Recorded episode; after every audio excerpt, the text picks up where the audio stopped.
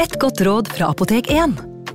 Nå er snart pollensesongen i gang, og et godt råd til deg som sliter med pollenallergi, er å begynne behandlingen i god tid før allergisesongen starter. Da får du nemlig enda bedre effekt av legemidlene, og så blir ikke våren din helt ødelagt. Kom innom og få råd på ditt nærmeste Apotek 1, eller chat med oss på apotek1.no.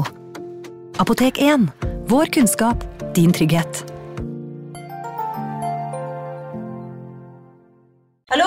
Jeg kommer fra Oslo politikammer. Ine Jansen er purk. Er du purk? The motherfucking bitch. Alt jeg vil, er å finne ut hva som skjedde med mannen min. Jon Carew. Er jeg sikta for noe? Iben Akeli. Det er du. Ole So, Lars Berrum og Big Daddy Karsten. Hvem sin side er du på, egentlig? Anette Hoff, Tone Danielsen, Kommer du fra Afrika? Jørnis Josef, Nesten kløfta. Trond Espen Seim, Det er synd å si det, men det var feil mann som døde. Purk. Premiere tirsdag på TV2 Play. Hei! Takk for at du lytter til True Crime Podden dokumentar. Skulle du ønske at du kunne høre en ny episode av denne podkasten hver eneste uke? Vel, da er det bare å laste ned podkastappen Untold med en gang. I tillegg til ukentlige episoder av podkaster som Skrekkpodden, Synderne og True Crime Podden, får du masse annet reklamefritt og eksklusivt innhold. Last ned Untold i AppStore eller Google Play, og start din 30 dagers prøveperiode i dag. you.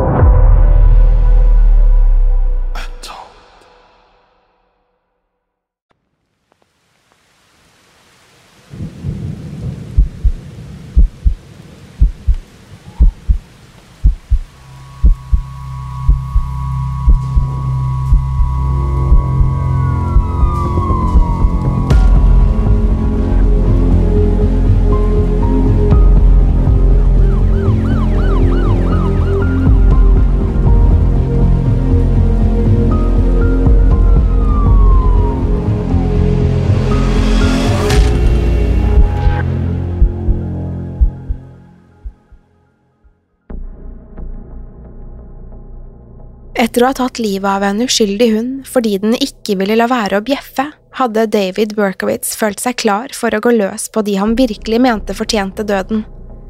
Bevæpnet med en 44-kaliber Charter Arms-pistol satte han ut for å straffe New Yorks kvinner. Gjennom hele livet hadde han følt seg oversett og tråkket på av dem, og nå skulle de få betale. Da han hadde skutt og drept sitt første offer i juli 1976, var det som en tung byrde var blitt løftet av skuldrene hans. Stemmen i hodet, som hadde plaget ham siden ungdomsårene, hadde blitt milde og gratulerte ham. Det var en følelse han aldri hadde kjent maken til. Derfra var det ingenting som kunne stanse ham. Nye drap og angrep fulgte, og snart begynte politiet i New York å innse hva de sto ovenfor. De hadde en seriemorder løs i gatene, men ingen visste hvem det kunne være. Etter det ekstremt brutale drapet på 19 år gamle Virginia Voskerichian i mars 1977 hadde ikke politiet noe annet valg enn å gå ut med den informasjonen de hadde. De advarte innbyggerne mot The 44 Caliber Killer og ba dem være årvåkne. Det skapte bare mer kaos, som var nøyaktig det David ønsket seg. Frykten for The 44 Caliber Killer fortsatte å spre seg i New York. Unge kvinner turte ikke lenger gå ut alene, og mange valgte å bleke håret for å ikke falle under morderens preferanse. Ifølge politiet var det nemlig kun mørkhårede kvinner som ble jaktet på. Panikken vokste frem som sopp etter regnvær, og David elsket det. Alles oppmerksomhet var rettet mot hans verk, og det var en følelse han ville holde fast ved for alltid. Nå som han først var på alles lepper, var han nødt til å sørge for at han aldri ble glemt igjen. Det var da David fikk en idé. Neste gang han drepte, ville han legge igjen et brev til politiet. Det ville være en måte å legge krav på drapet, samt holde mysteriet om The 44 Caliber Killer i live. Det ville også være en mulighet for David til å velge sitt eget seriemordernavn. Han likte ikke det avisen hadde gitt ham, og ville skape sin egen grusomme figur. Brevet hadde han klart. Nå var det bare å vente på muligheten til å vise det frem. Den muligheten skulle komme natt til 17. april 1977. Rundt klokken tre den natten satt 20 år gamle Alexander Iso og 18 år gamle Valentina Suriani i en bil langs veien. Det unge paret hadde stanset der for å prate litt, før Alexander skulle kjøre Valentina hjem. Plutselig rullet en liten gul Volkswagen inn bak dem. Paret var opptatt med hverandre, og innså ikke hva som foregikk før andre skudd ble løsnet fra bilen bak dem. Skytteren var treffsikker, og kulene suste gjennom bakruten og traff både Alexander og Valentina. Bekymrede naboer som hadde hørt skuddene, var ikke sene med å ringe etter politiet. De var straks på stedet, men da var den gule bilen borte. Det eneste som var igjen, var det fryktelige synet inne i bilen. Det unge paret var begge blitt skutt i bakhodet. Valentina ble erklært død på stedet, men Alexander pustet fremdeles. Han ble hastet til sykehuset, men livet sto ikke til å redde.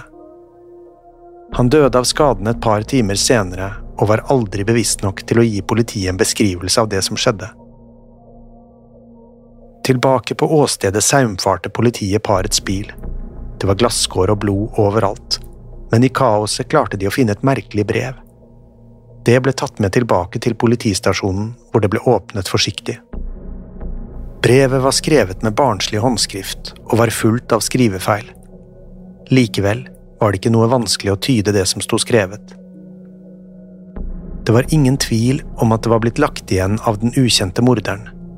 Det var heller ikke noen som trengte å lure på om gjerningsmannen var gal eller ikke. Brevet var adressert til politiet og var fullt av referanser til diverse demoner. Morderen påsto også at han ikke likte å ta livet av ofrene sine, men at han elsket å jakte på dem. Ifølge brevet var det demonene som krevde at han tok livet av alle disse menneskene.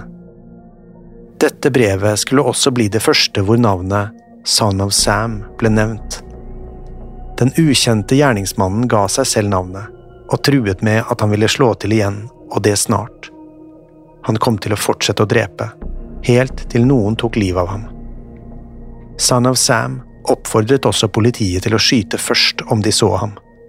Om ikke ville de ende opp like døde som ofrene hans. Kort tid etter drapene på Alexander og Valentina innkalte borgermesteren i New York, Abraham Beam, til pressekonferanse om saken. Håpet hans var å roe ned innbyggerne ved å forsikre dem om at politiet jobbet på spreng og at alt kom til å ordne seg.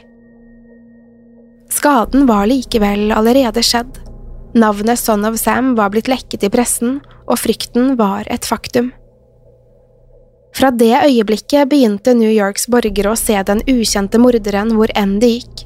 Tipsene strømmet inn fra folk som mistenkte naboer, bekjente og til og med familiemedlemmer for å være Son of Sam. Politiet ble nedringt av bekymrede New Yorkere, men ingen av tipsene ledet frem. Den en gang så livlige byen ble plutselig lagt øde. Få turte å bevege seg utendørs etter mørkets frembrudd. Puber og nattklubber stengte ned fordi de ikke fikk nok kunder på kveldstid lenger. Son of Sam hadde byen i sin hule hånd og hadde ikke tenkt til å gi seg før han hadde full kontroll. Politiets nye arbeidsgruppe, som hadde hovedansvaret i Son of Sam-saken, var nødt til å gjøre noe om ikke alt skulle forfalle i et eneste stort kaos. De brukte det merkelige brevet som hovedbevis i etterforskningen, og la mye arbeid i å prøve å avsløre morderen gjennom det han skrev. Det var tydelig at de hadde med en paranoid og muligens schizofren kvinnehater å gjøre, men det var alt de fikk ut av brevet. David elsket oppmerksomheten han fikk for brevet. Med noen få enkle ord hadde han klart å snu hele New York på hodet. Dermed bestemte han seg for å skrive et nytt brev. Denne gangen var det adressert til Jimmy Breslin, en av byens beste journalister som skrev artikler for New York Daily News. David hadde alltid likt Breslins artikler og takket ham personlig i brevet.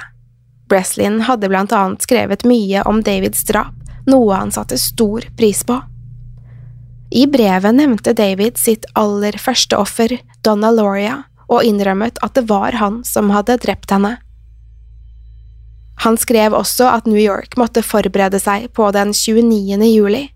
Da ville det være ett år siden drapet på Donna. Til slutt i brevet henvendte han seg direkte til politiet og ønsket dem lykke til i jakten på ham. Så signerte han det med sitt nye kallenavn, Son of Sam. Breslin sendte brevet rett til politiet, men det kom ikke noen ny informasjon fra det. Til slutt ble de enige med pressen om at de fikk publisere deler av brevet. På den måten ville noen kanskje kjenne igjen håndskriften. Tidlig i juni sto brevet på trykk i alle de store avisene. Jimmy Breslin skrev også en artikkel i New York Daily News hvor han ba morderen om å overgi seg. Selv så mye respekt som David hadde for Breslin, hadde han på ingen måte tenkt til å gi seg nå. Oppmerksomheten han fikk for drapene, var alt han noen gang hadde ønsket seg og mer til.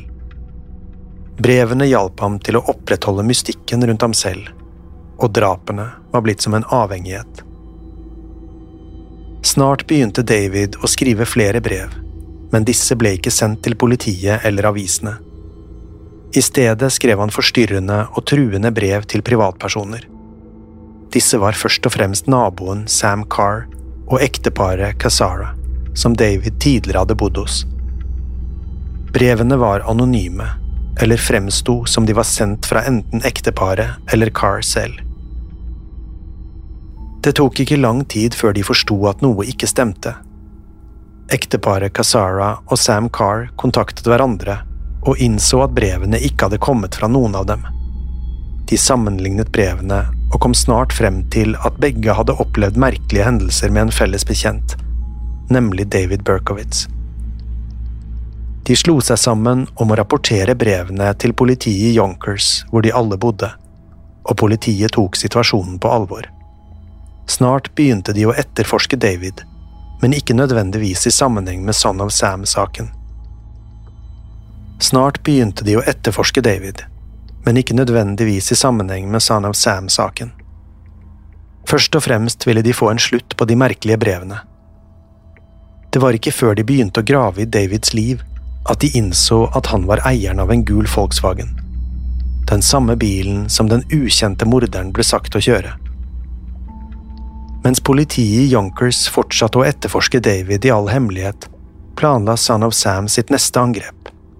Den 26. juni 1977 satt 20 år gamle Sal Lupo og 17 år gamle Judy Placido i en bil utenfor et diskotek i Queens.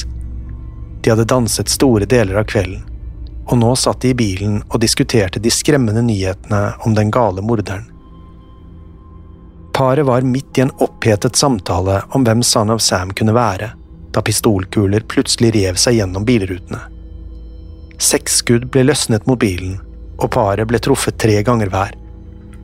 Til tross for at de begge var blitt skutt i både hodet og armene, var det ingen av dem som ble alvorlig skadet. Sal og Judy ble lappet sammen på sykehuset samme natt og kunne fortelle politiet om det de hadde opplevd. Likevel var det ingen av dem som hadde sett angriperen. Da politiet avhørte andre i nærheten av åstedet, var det flere som påsto at de hadde sett en høy, mørkhåret mann flykte bort fra åstedet. Et av vitnene mente til og med at de hadde sett mannen hoppe i en bil. Vitnet hadde memorert deler av registreringsnummeret på bilen, men dette ledet ingen vei.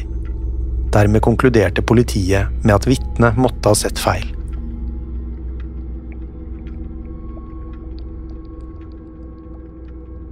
Imens gled juli over i juli, og folk i New York ventet i frykt på dagen de alle visste ville komme. Ettersom Son of Sam hadde nevnt den 29. juli i brevet til journalist Jimmy Breslin, var det mange som ventet seg et nytt angrep den dagen. Politiet gjorde så godt de kunne for å være overalt på samme tid. De vurderte til og med å kle ut utstillingsdukker og plassere dem i biler for å lokke til seg morderen. Da dagen kom, ventet alle rastløst på at noe skulle skje, men dagen forløp uten en eneste hendelse. Politiet og innbyggerne kunne ikke tro at Son of Sam ikke hadde slått til. Det var ulikt morderen å ikke gripe muligheten til å vise seg frem. Mange New Yorkere senket skuldrene og begynte å tro at marerittet var over. Der skulle de ta grundig feil. Son of Sam skulle nemlig slå til igjen den 31. juli 1977. Stacey Moskowitz og Robert Violante var begge 20 år gamle og var på sitt aller første stevnemøte. De hadde parkert bilen sin i nærheten av en park i Brooklyn, og nå satt de og kysset. Både Stacey og Robert kjente til drapene som var blitt begått, men de var sikre på at det ikke ville skje med dem. Stacey var nemlig naturlig blond, og ifølge politiet hadde Son of Sam kun gått etter mørkhårede kvinner. Paret var for opptatt av hverandre til å legge merke til David, som plutselig hadde dukket opp fra bak et tre. Han stirret på Stacey fra mørket og strammet grepet om pistolen i lommen. Så begynte han å nærme seg bilen forsiktig. Da han kun var en meter fra passasjerdøren, løftet han pistolen og trykket på avtrekkeren. Fire kuler smadret bilruten, og samtlige traff det unge paret. Robert ble truffet i ansiktet, mens Stacey fikk to kuler i bakhodet. Uten å se seg tilbake spurtet David bort fra åstedet og lot Stacey og Robert ligge blødende igjen i bilen sin. Bekymrede naboer som hadde hørt skuddene, ringte politiet, som var der i løpet av få minutter. Det var ikke tvil om at dette var Son of Sams verk, men gjerningsmannen var ikke å se noe sted. Paret ble straks hastet til sykehuset. En av kulene hadde truffet Robert slik at han mistet det ene øyet og var nærmest blind på det andre. Likevel skulle han overleve det grusomme angrepet. Stacey på sin side var ikke like heldig. Hun skulle dø av skadene på sykehuset flere timer senere. New York hadde opplevd nok et grusomt drap, og alle klandret Son of Sam. Det virket nærmest som gjerningsmannen var en skygge som politiet ikke kunne fange. Det verken innbyggerne i New York eller David visste, var at drapet på Stacey Moskowitz skulle bli Son of Sams aller siste. Nå hadde New Yorks borgere fått nok. De kunne ikke leve i frykt lenger, og krevde at noe ble gjort, og det umiddelbart. Det enorme presset gjorde at det ble bevilget nye midler til politiet, noe som virkelig satte sving på etterforskningen. Politiet kunne nå fokusere all sin energi på drapene, og kokte søket ned til nabolagene Bronx, Brooklyn og Queens. Samtidig som Son of Sam-etterforskningen pågikk for fullt i byen, var det en annen sak som opptok politiet i Yonkers. De var i full sving med å etterforske David Berkowitz for de merkelige brevene de mente han hadde sendt til naboene sine. Saken hadde ikke noe å gjøre med Son of Sam-drapene i utgangspunktet, men plutselig begynte politiet i Yonkers å se en urovekkende sammenheng. David hadde samme fysikk som mannen vitner mente å ha sett løpe fra flere av åstedene. I tillegg var han eier av en gul Volkswagen som politiet mente Son of Sam kjørte. Politiet i Yonkers ante at noe ikke var som det skulle, og kontaktet arbeidsgruppen som håndterte Son of Sam-drapene. Likevel virket det som etterforskerne var for opptatt til å ta rapporten fra Yonkers på alvor. De hadde nemlig fått inn et annet tips fra en kvinne som hadde gått tur med hunden sin i parken den kvelden Stacey Moskowitz og Robert Violante ble skutt. Vitnet kunne fortelle at hun hadde passert en gul Volkswagen som sto parkert foran en brannhydrant. Hun hadde lagt spesielt merke til bilen fordi den hadde fått parkeringsbot. Plutselig hadde hun fått øye på en kraftig mørkhåret mann som gikk med raske skritt mot bilen. Da han fikk se boten, krøllet han den sammen og kastet den fra seg. Deretter hadde han gitt kvinnen et merkelig blikk mens han knuget en mørk gjenstand i hånden. Dette var tipset politiet hadde ventet på. Om mannen kvinnen hadde sett virkelig var of Sam, kunne dette bety slutten på marerittet.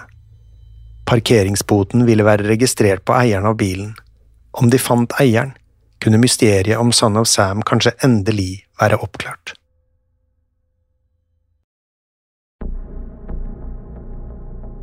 Politiet begynte straks å lete gjennom alle parkeringsbøter fra området den aktuelle kvelden, og snart hadde de funnet den gule bilen. Den var registrert på en ung mann fra Yonkers ved navn David Berkowitz. Etterforskerne begynte å lete gjennom alt de hadde om David, og forsto snart at de hadde oversett viktige spor. Ikke bare fant de rapporten fra politiet i Yonkers, som mente David kunne ha noe med Son of Sam-drapene å gjøre. De fant også et tips fra Davids nabo, Sam Carr, som direkte beskyldte David for å være den beryktede seriemorderen. Tipset hadde kommet flere måneder i forveien, noe som kunne bety at arbeidsgruppen hadde sløst dyrebar tid. Da etterforskerne sammenlignet notater med politiet i Yonkers, var det ikke lenger noen tvil. David Berkowitz var deres nye hovedmistenkt. Det var for mye som pekte mot ham til å overse. Den gule bilen, fysikken hans, samt de forstyrrende brevene han hadde sendt til naboene, alt tydet på at de endelig hadde funnet rett mann. Tidlig om morgenen den 10. august 1977 troppet en liten hær av politibetjenter opp utenfor Davids leilighet i Yonkers. Det hadde vært en kamp om hvem som skulle få lov til å bli med på aksjonen. Alle byens betjenter ville være en del av styrken som satte en stopper for Son of Sam. Betjentene ble strategisk plassert rundt om i området, slik at David ikke ville ha noen steder å flykte. De visste at han sannsynligvis var bevæpnet og ekstremt farlig. Om de braste inn i leiligheten, kunne liv gå tapt. Dessuten ville det skremme opp naboene, noe politiet helst ville unngå. Dermed hadde de ikke noe annet valg enn å vente på at David skulle komme til dem. Etter et par timer gikk plutselig døren til leiligheten opp, og David tråkket ut på trappen. Han myste i den sterke morgensolen og lot ikke merke til oppbudet av politibetjenter på hvert hjørne av gaten. I det samme øyeblikket som David satte seg inn i den gule bilen, ble politiaksjonen iverksatt. Et titalls betjenter stormet frem og sikret pistolene sine mot David. De ropte til ham og krevde at han kom stille og rolig ut av bilen. Spenningen var enorm idet de ventet på Davids neste trekk. Så, uten å fortrekke en mine, åpnet David bildøren rolig og stakk hendene i været. Betjentene sørget for å holde pistolene stødige idet David satte én fot på asfalten, så den andre. Deretter la han seg rolig ned på bakken og plasserte hendene på hodet. Et knippe betjenter hastet bort til mannen på bakken og la ham i håndjern. Da de spurte hvem han var, svarte David i en mild tone. Dere vet hvem jeg er. Jeg er Sam. David strittet ikke imot da han ble ført bort og plassert i en celle. Det var som han forsto at spillet var tapt, og at ingenting han sa eller gjorde ville utgjøre noen forskjell. To dager etter arrestasjonen ble David avhørt. Han hadde vært taus siden han ble arrestert, men nå var han snakkesalig. Uten at etterforskerne behøvde å presse noe ut av ham, innrømmet David å stå bak samtlige drap og angrep. Likevel påsto han at det var demonene i hodet hans som hadde beordret det. Selv ville han ikke drepe, men det hadde vært den eneste måten å få stemmene til å tie på. Etterforskerne satt vantro og lyttet til Davids livshistorie. Det var ingen tvil om at de hadde med en gal mann å gjøre. Det hele toppet seg da Davids leilighet ble undersøkt. Det første som slo etterforskerne, var de forstyrrende skriblingene på veggene. I tillegg fant de dagboken, hvor David hadde notert de over 1000 brannene han hadde stiftet i New York. At David var sinnssyk, var det ingen som betvilte. Spørsmålet var bare om han var for syk til å stilles for retten eller ikke. Hele tre ulike psykologer ble kalt inn for å undersøke Davids mentale helse, og alle kom tilbake med det samme svaret. David var paranoid og schizofren, men frisk nok til at han kunne stilles ansvarlig for drapene. Dermed var det duket for en av de største rettssakene New York noen gang hadde sett. I mai 1978 ble den satt i gang, og David innrømmet straffskyld på alle punkter. Likevel hadde han ikke tenkt å gi seg uten å skape mer kaos. Gjennom store deler av rettssaken ropte han med jevne mellomrom at Stacey Moskowitz var en hore som fortjente å dø. På et tidspunkt skal han til og med ha forsøkt å hoppe ut av et vindu i syvende etasje. Dette skapte store reaksjoner fra alle i rettssalen, akkurat som David ville. Til tross for at retten beordret at en ny evaluering av Davids psykiske helse skulle gjennomføres, kom den tilbake med den samme konklusjonen. Psykologene mente utbruddene kun hadde vært et siste forsøk på å få alles oppmerksomhet. David var frisk nok til å dømmes, og dermed fortsatte rettssaken. Den 12. juni 1978 ble David Berkowitz funnet skyldig i seks drap og over 1000 brannstiftelser. Dommen lød på 25 år til livstid for hvert av drapene, noe som ville sørge for at han sannsynligvis aldri ville slippe ut igjen. Den beryktede seriemorderen Son of Sam var bak lås og slå, og New York kunne endelig puste lettet ut. Til tross for at saken var avsluttet og David var plassert i en celle, var han langt ifra ferdig med å spre frykt og kaos. I et siste forsøk på å kontrollere byens befolkning påsto David at han ikke var den eneste Son of Sam.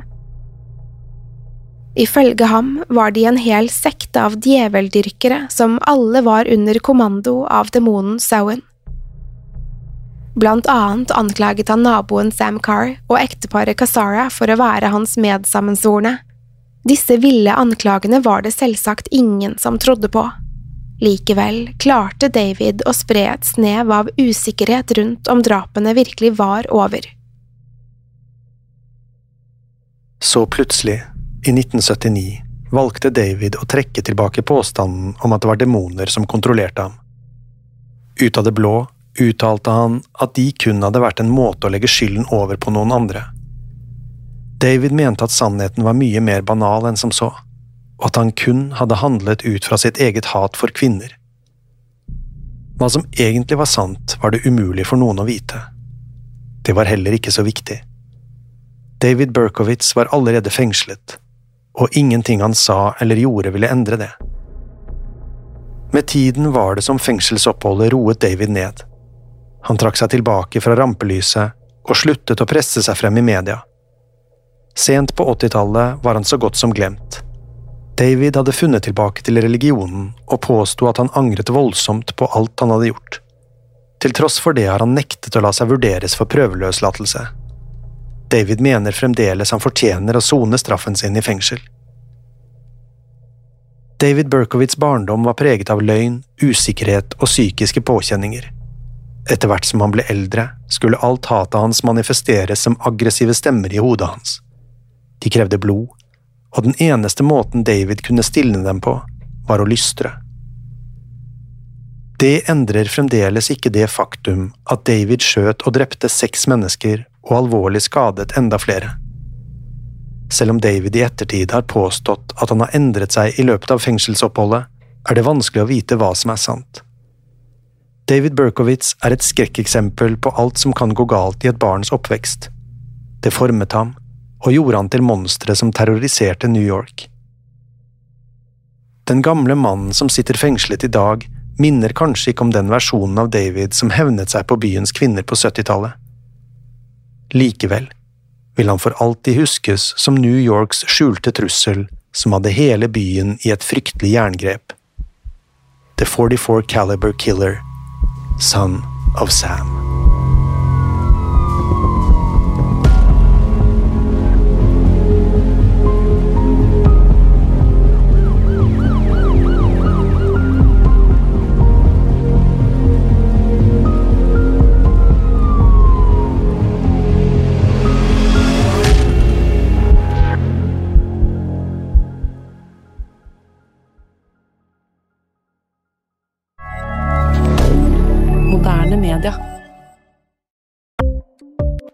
Ukens annonsør er Folio, en smartere banktjeneste for deg som har en egen bedrift eller ønsker å starte for deg selv.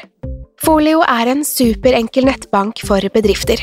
Som kunde i Folio får du en bedriftskonto med et bedriftskort og app. I denne appen er det smarte løsninger som forenkler regnskapet ditt, uansett om du har en liten bedrift eller et enkeltpersonsforetak. Folio er både intuitivt og brukervennlig, og er laget med et enkelt språk. I tillegg tilbyr de forutsigbare priser og ingen skjulte gebyrer. Skulle du likevel trenge det, så kan du snakke med deres raske og hyggelige kundeservice, og der får du prate med en faktisk person og ikke en chatbot. Folio er med andre ord både enklere og koseligere enn banken. Over 10 000 bedrifter har allerede valgt Folio som sin banktjeneste, så besøk folio.no og se hvordan Folio kan forenkle din hverdag også. Har du et enkeltpersonforetak eller en liten bedrift? Da er du sikkert lei av å høre meg snakke om hvor enkelt det er med kvitteringer og bilag i fiken, så vi eh, gir oss her, vi. Fordi vi liker enkelt. Fiken superenkelt regnskap. Kiwi er billigst i VGs matbørs og har vært billigst i fire av de fem siste VGs matbørser. Og nå presser vi prisene på frukt og grønnsaker. På 200 gram broccolini setter vi prisen til 24,90. På 400 gram Cevita blåbær setter vi prisen til 49,90. Og husk, alle Kiwi Pluss-kunder får i tillegg 15% trumfbonus på all fersk frukt og grønt. For det er vi som er prispresserne. Og vi i Kiwi gir oss aldri på pris.